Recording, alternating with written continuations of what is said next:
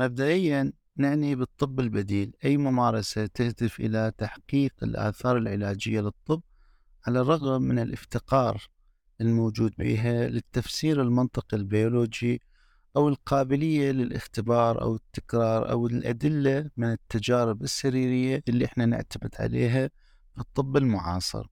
فهو باختصار نوع من وسائل المعالجة اللي ما تنتمي للطب التقليدي الحديث ومن أمثلتها المشهورة آه، طب الأعشاب والطب الصيني واليوغا والتدويب المغناطيسي والمعالجة المثلية والإبر الصينية اللي إحنا بالمجمل نسميها العلوم الكاذبة.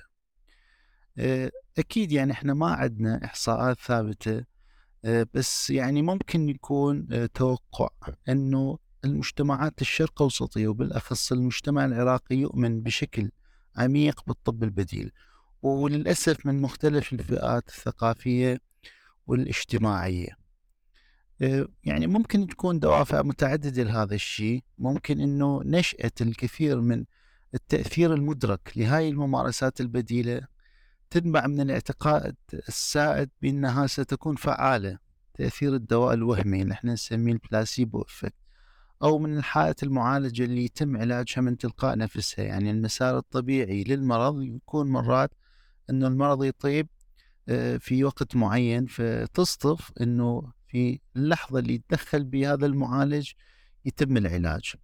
آه، ممكن يكون أنه قطاع الطب البديل صناعة مربحة للغاية وعندهم لوبي قوي يواجه تنظيم أقل بكثير من اللي إحنا نواجهه في الطب الحديث. آه، ممكن يكون انخفاض مستوى المعرفة العلمية بين عامة الشعب.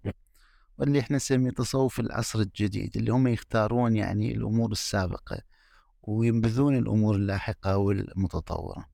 ممكن يكون مرات عندهم تسويق قوي للإدعاءات المزيفة اللي عندهم آه، وممكن يكون أكو تدقيق إعلامي غير كافي وأكو هجمات مكثفة تصير على النقاد وممكن يكون أكو تشكيك بحياديتهم.